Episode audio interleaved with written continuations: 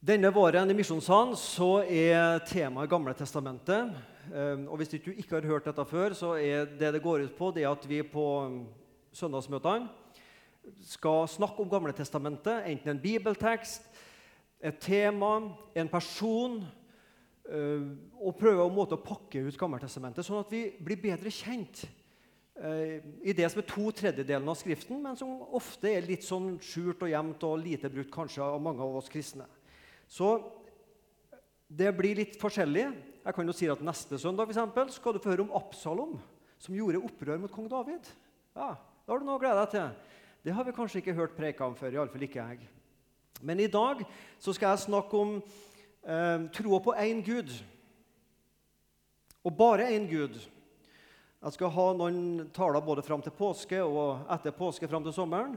Og jeg, Min oppgave i denne taleserien er på en måte å holde den røde tråden noen grunntema.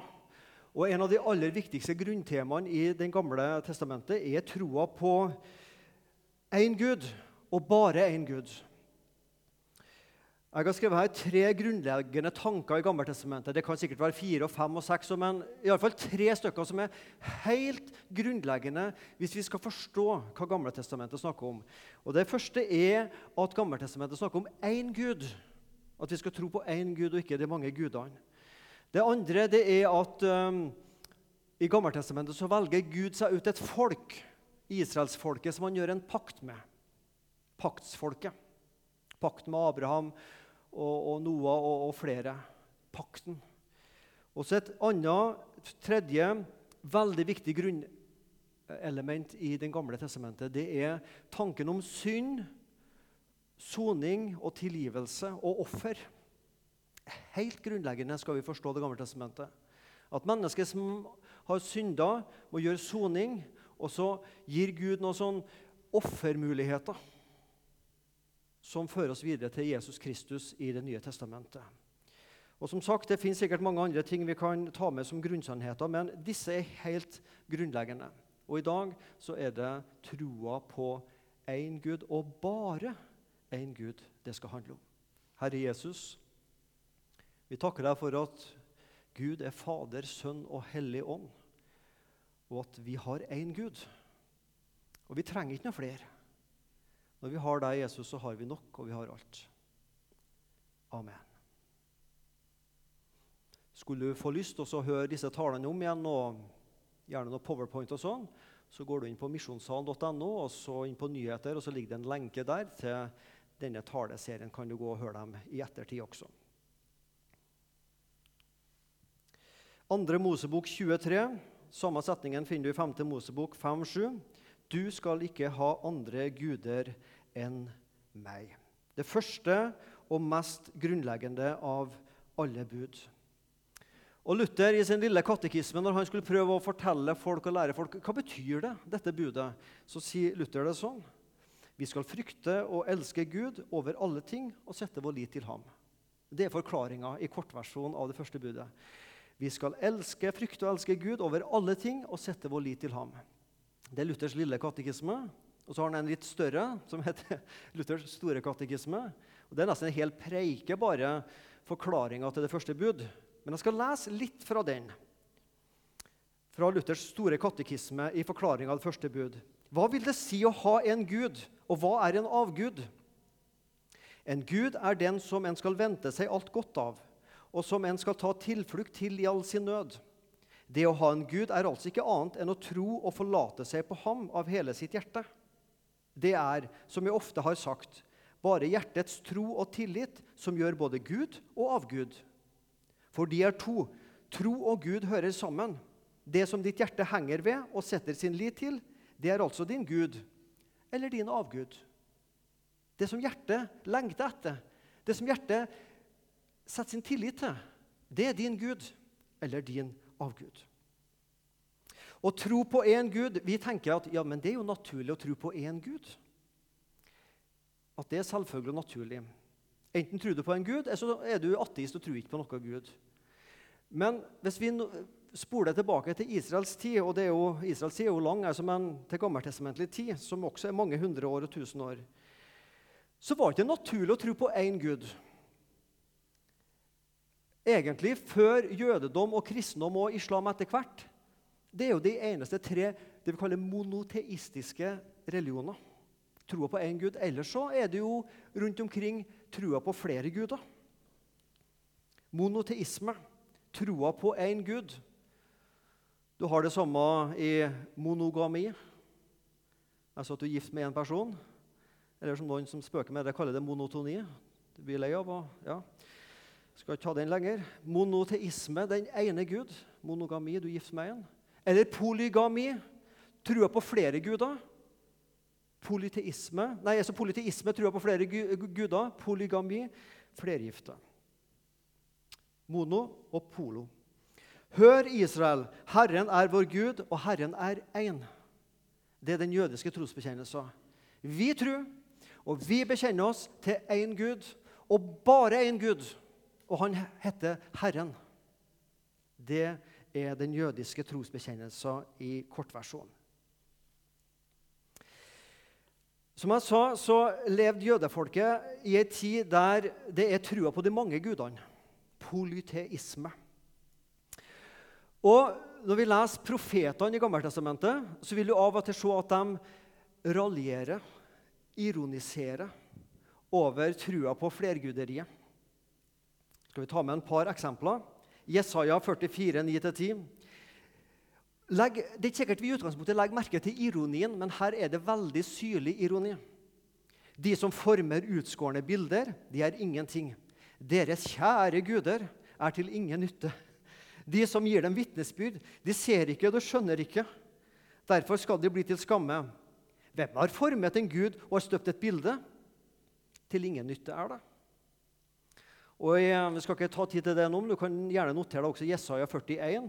Der også eh, profeten Jesaja ironiserer over troa på flere guder. Og Så husker vi sikkert denne fortellinga om eh, Elia og Baals-profetene. Han du ser oppe her nå, det er en av disse Baal-gudene. For det var den store avguden i Gammeltestamentet. Det var Baal. Og det var egentlig ikke én gud, men det var mange guder. Baal-gudene. Og for å gjøre en lang historie kort, Du kan lese om den i um, første kongebok kapittel 18. Så er Elia alene, som tror på Herren Gud. Og så tror jeg det er oppi 850 Baalsprofeter, Og så skal de ha en olympisk mesterskap i hvem har den beste guden. Ikke sant?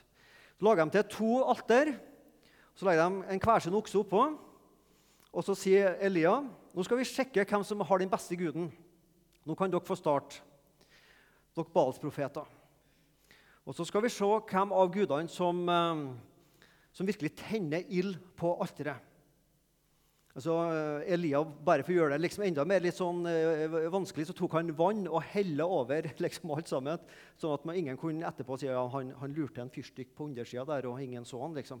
Han gjorde det helt bløtt. Men det står om disse Balsprofetene. Så tok Baal-profetene den oksen han hadde gitt dem. De stelte den til og påkalte Baals navn fra morgen til middag, og de ropte, 'Svar oss, Baal!' Men det var ingen røst å høre, og det var til ingen som svarte. Og de hinket omkring det alteret de hadde reist. Men da det var blitt midt på dagen, spottet Elia dem og sa, 'Rop høyere! Han er jo en gud. Han er vel falt i tanker?' Eller han har gått en tur på do, eller han er kanskje ute på reise? Kanskje han sover, men rop, så vil han våkne. Ser du ironien? Skikkelig sarkasme. Da ropte de enda høyere, og de flenget seg med sverd og spyd, slik som de hadde for skikk, til blodet rant nedover dem. Det led mot middagstiden, og de holdt på å profetere til bortimot den tiden da måteofferet blir båret fram. Men det var ingen røst å høre, og det var ingen som svarte, og det var ingen som aktet på dem. Skjedde ingenting. Og så er det Elias sin tur, og så faller ilden fra himmelen og tenner offeret. Og så vinner, så vinner Elia den kampen, hvis vi skal si det på den måten. Poenget her det er at i den tida her, Israelstida i Gammeltestamentet, så er det trua på de mange gudene som gjelder. Og det er trua at det fins én Gud for hver sin område av livet. Én Gud for arbeidet, én Gud for familieliv, én Gud for fruktbarhet og seksualitet, én Gud for økonomi og en Baal-gud for fritida. Vet du forresten hva, hva fritidsbalguden heter for noe? Vet du navnet på den? Fotball. Ja, Det er navnet på den balguden. Fritidsguden fotball. Og så er altså tanken ja, det var spøk, det skjønte du. Og så er altså tanken at eh, vi er så heldige, tenker folkene. Vi har liksom én Gud for det området av livet, og så har vi en Gud for det området av livet. Og når vi har problem i ekteskapet eller i økonomien, så, så ber vi til den guden. Stakkars israelsfolket som liksom har bare én gud. Det, var, det er jo liksom dem det er synd på, tenker de andre folka. Og Vi syns det er en rar tanke, men, men tenk nå etter på denne måten. Du skal bygge deg et hus. Og Så går du til et byggfirma og så sier du jeg skal ha meg et hus. Sånn og sånn. Og så sier byggfirmaet OK, ja, nå skal du få et valg. Eh, enten så kan, få, så kan, vi gjøre det på den måten at eh, vi får en snekker, vi får en rørlegger, vi får en elektriker, vi får en gulvlegger og vi får en eh, så videre. Vi har mange fagarbeidere på hvert sitt område som kan bygge det huset. Men så fins en annen måte. Vi har en sånn altmuligmann her i firmaet. Han er god til alt. Han kan fikse alt. Han kan ta hele huset for deg. Han kan fikse alt. han. Hva ville du ha valgt? Ja, Du ville ha valgt fagarbeidere for hvert sitt område. Du ville ikke ha valgt en som sier at ja, men jeg kan alt. jeg. Nei, nei, nei, nei. Du ville ha valgt fagarbeiderne. Skjønner du poenget? Sånn var det med, av, med avgudene. Vi har fagarbeidere fra hvert område av livet. Stakkars Israel som har liksom én gud for alt. Ja, Ser du hva tanken er? Du husker Jonah-fortellinga? Jonas som rømte fra Gud. Jeg skal ikke ta hele den fortellinga. Men de havner ute på sjøen i båten, og så blåser det opp til storm. Og hva er det som skjer da? Jo, men Herren sendte en sterk vind utover havet. Det ble en storm, og skipet holdt på å bli knust. Da ble sjømennene redde. De ropte hver på sin gud. For å lette skipet kastet de lasten ut i havet, men Jonah var gått ned i skipets nederste rom og lå i dyp søvn. Skipsføreren gikk da til ham og sa:" Hvordan kan du sove så godt? Stå opp og rop til din Gud. Kanskje han vil tenke på oss, så vi ikke går under. Vi har et problem, folkens. Det er storm, og skipet holder på å gå ned. Nå må du som er fra Syria, du som er fra Babylon, du som er fra Egypt, du må dere rope til deres guder. Og du, Jonah fra Israel, du må rope til din Gud. Og så til sammen så blir dette så bra at vi blir berga. Det var tanken. Enhver gud er bra, og til sammen så blir det kjempebra. Men stakkars israelsfolket som liksom har bare én gud, en altmuligmann, og ikke en fagarbeider for hvert område av livet. Sånn tenkte man. Og så er Israels tanke og Gammeltestamentets tanke det trengs bare én gud. Det trengs ingen tilleggsguder. Du trenger ikke en gud som har for de forskjellige områdene i livet. Du trenger bare én gud. Og det er ikke fordi at Gud er litt flinkere enn de andre gudene på de forskjellige fagområdene, og at han er bedre til sammen. Nei, det er ikke først og fremst det. Tingen er, Det fins bare én Gud.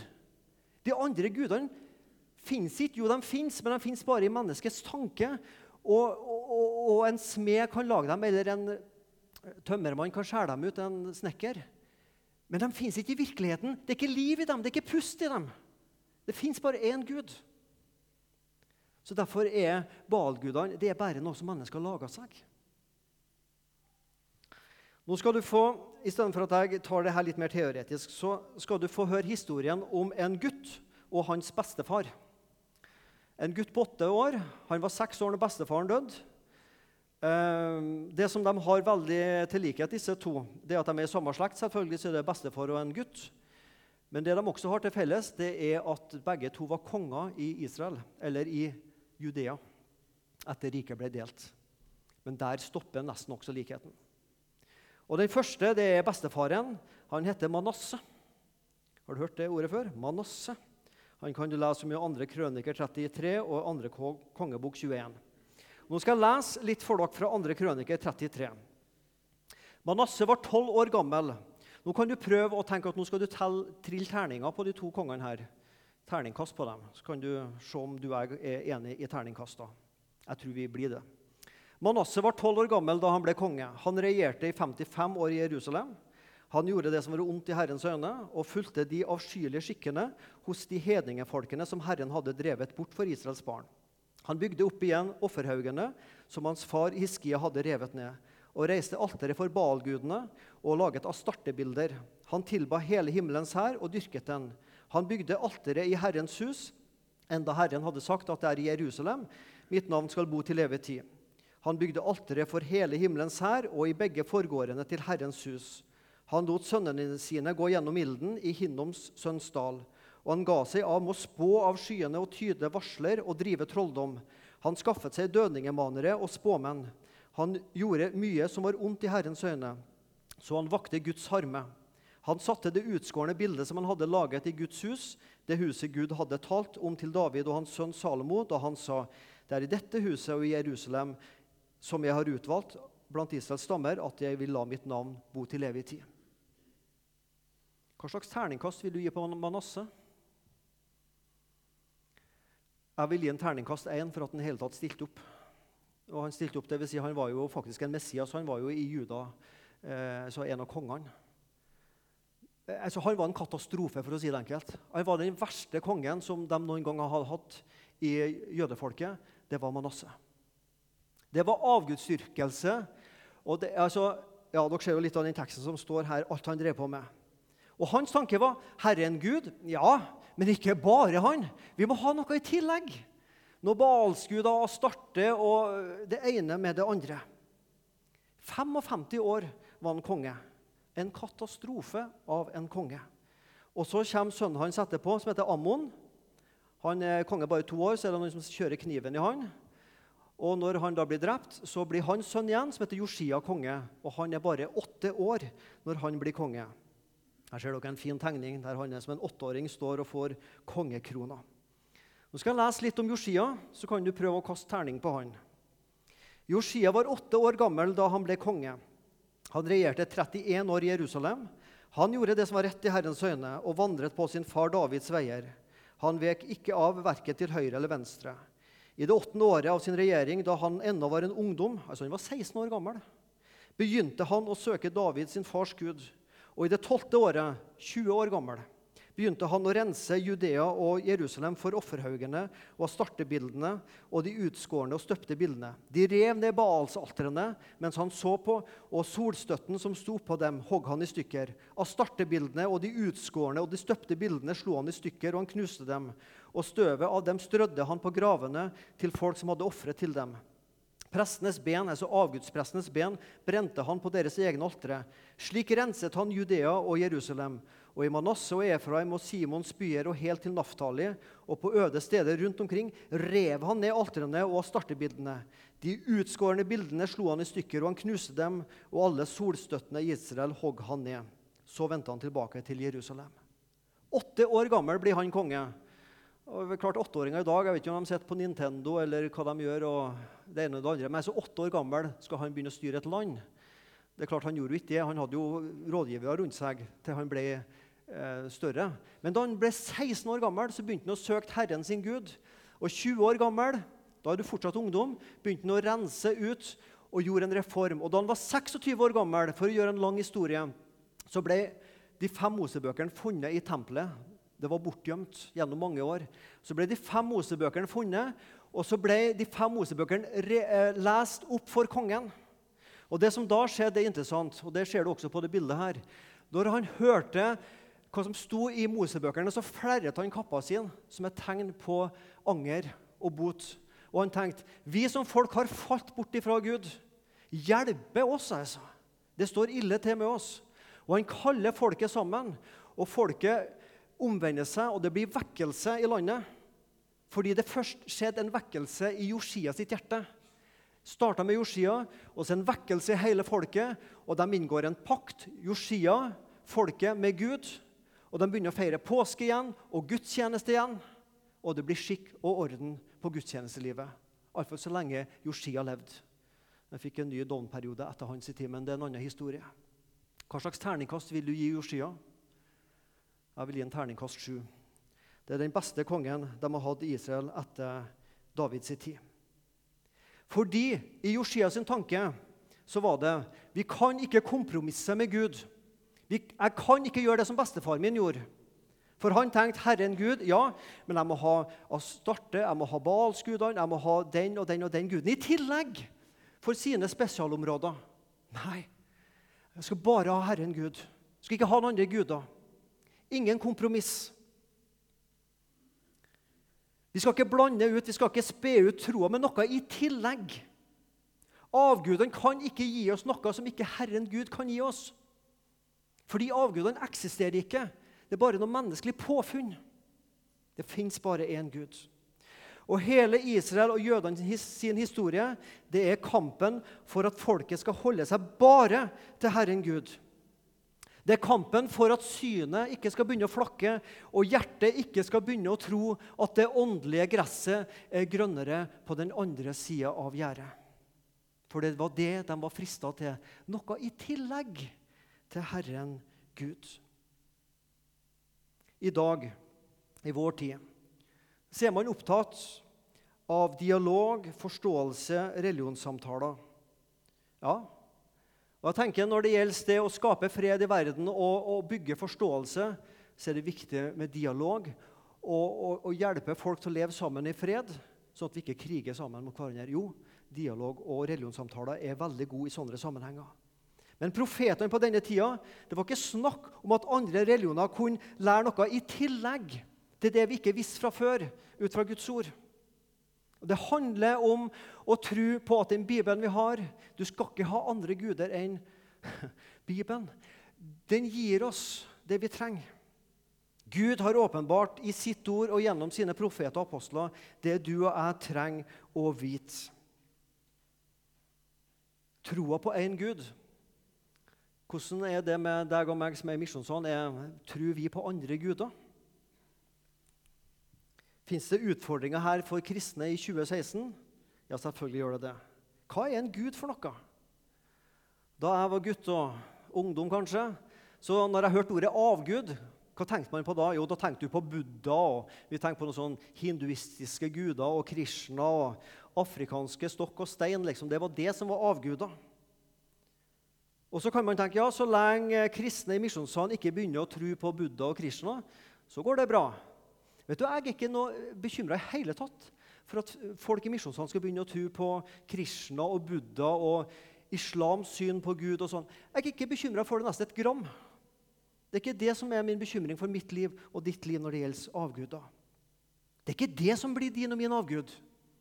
Men vis meg din sjuende sans, la meg få se din sjuende sans, og la meg få se dine kontoutskrifter, så skal jeg fortelle deg hva som er dine guder. Hvis du ser min sjuende sans og mine kontoutskrifter, så kan du se hva som er mine guder. Tid, penger og krefter. Tid, penger og krefter. Hva vi gir tid, penger og krefter til, det er det som avslører hva som er våre guder. Du har hørt dette uttrykket om å forgude noe, se opp til noe. Vi forguder våre barn, eller vi forguder den og den. Brukt positivt så er det veldig bra å se opp til noen og lære av noen. Men vi kan også forgude på en måte at vi blir avhengig av noe utenfor oss sjøl, eller iallfall utenfor Gud. Og blir avhengig i feil plass. Du har hørt begrepet 'fotballfrelst'? Fotball, ikke sant? Fotballfrelst. Ja, jeg vet det er noen som tenker nå aha, aha, nå snakker han til seg sjøl. Jeg vet tanken til noen av dere nå, vet du. Men eh, vår Gud han er så fast en borg. Og dere vet at, Noen av dere vet at jeg av og til må ta meg i at jeg ikke synger 'Vår Gud han er så ros en borg'. Men det er også en annen historie. Folk er fotballfrelst. Folk er arbeidsnarkomaner. Folk er rusavhengige. Eller enkelte kanskje er rusavhengige. Du må ha noe for ditt ytre for å Ja. Man kan bokstavelig talt bli opphengt i klær. Eller pornoavhengig. Eller mammon. Det siste Gud får omvendt hos meg og kanskje hos deg, det er pengeboka mi og visakortet mitt. Det tror jeg nå er det siste Gud får omvendt. Jeg las for en god stund siden en bok som heter 'Følg meg', av en som heter David Platt. Kanskje noen har lest en bok som heter 'Radikal'. Det er samme karen. Jeg skal lese litt fra den boka. han sier det på sin måte. Han sier det så sterkt at det er godt å ha den å gjemme seg litt bak. Så spenn beltene fast og hold deg godt fast i stolen de neste 1 12 minutter. Han snakker om omvendelse. Kristne med animistisk, hinduistisk og muslimsk bakgrunn må vende seg bort fra falske guder for å følge Kristus. Og omvendelsen blir åpenbart i den nye livsførselen deres. Men hva med mennesker i en overveiende kristen kultur? Mennesker som ikke bøyer seg for avguder eller ofrer til falske guder. Hvordan ser omvendelse ut i deres liv, altså i ditt og mitt liv?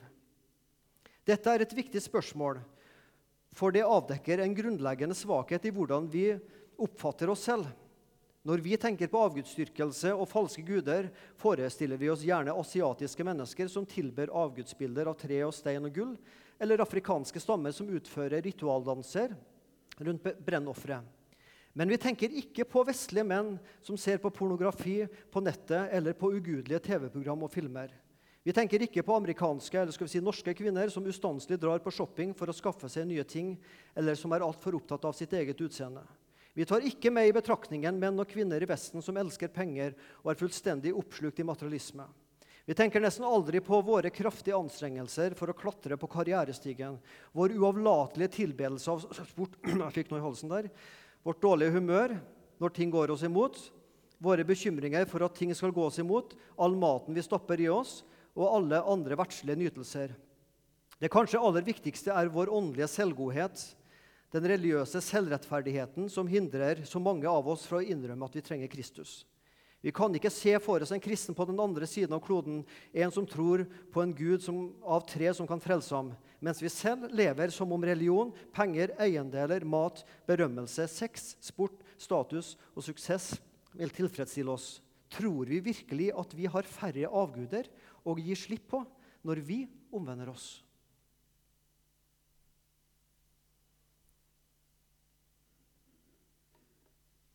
Hva er en gud? Hva er det ditt hjerte henger fast med? Er vi, om ikke praktiske hedninger, er vi praktiserende hedninger? Vi tror på en trening Gud, vi tror på Herren, vi tror på en levende frelser, og vi tror på Den hellige ånds nærvær. Men lever vi i praksis som om Gud er død? Eller at vi i alle fall ikke trenger Han i hverdagen? står vi i fare for å kompromisse med troa, sånn at det ikke er samsvar mellom det vi sier i teorien, og det livet vi lever. Gud, ja, på søndag, men resten av uka meg sjøl. Meg sjøl. Jeg vet best. Er vi som bekjenner oss til Jesus, egentlig praktiserende hedninger? Jesus har bare blitt et livssyn, og bønn har blitt en sånn religiøs plikt eller noe som ikke lenger bare vil og må fordi at jeg kjenner det i hjertet. Jeg tror Gud vet best, men i praksis så vet jeg egentlig best sjøl til å styre mitt eget liv. Vi har blitt praktiserende hedninger, vi som bekjenner oss til troa på Jesus. Det er en utfordring. Hva er en gud, hva er en avgud? Er vi praktiserende hedninger? Du skal ikke ha andre guder enn meg. Nå er vi snart på oppløpssida her. Um, jeg har snudd litt på den setningen, og så har jeg sagt den sånn. Du skal ikke ha annet frelsesgrunnlag enn nåden i Kristus Jesus. Nå hopper vi litt til Nytestamentet, som du ser, Galaterne. Til frihet har Kristus frigjort oss.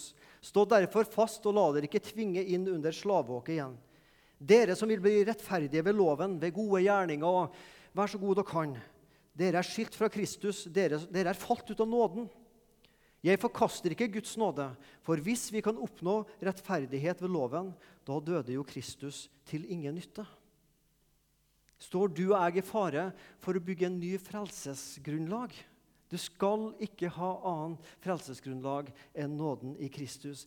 Gi meg Jesus, gi meg bare Jesus. Og hva vi sang det. Hva barna sang det, og hva vi sang det alle sammen. Når du hører ordet 'skylapper', får du gode eller får du dårlige følelser da? Jeg tror de fleste av oss får litt sånn dårlige følelser. Skylapper litt sånn trangsynt. Men egentlig er skylapper en positiv ting når du bruker det på hester. Hvorfor har du skylapper på hestene? Jo, for at en hest ikke skal bli distrahert over alt mulig til høyre og til venstre for seg, men at han skal holde kursen framover og ha fokuset framover. Du og jeg vi trenger noen åndelige skylapper.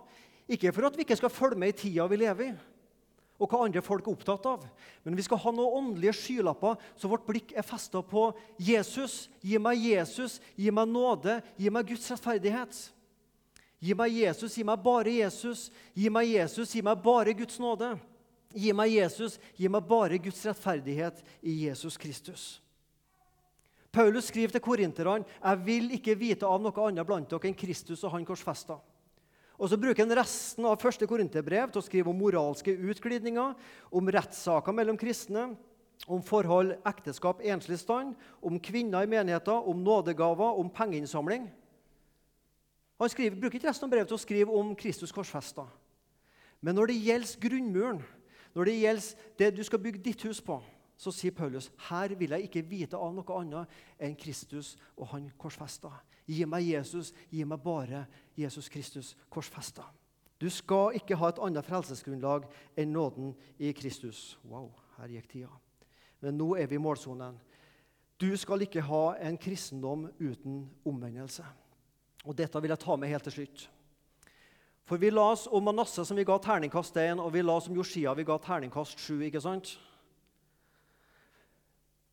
Heldigvis så står disse historiene både i andre krøniker og i andre kongebok.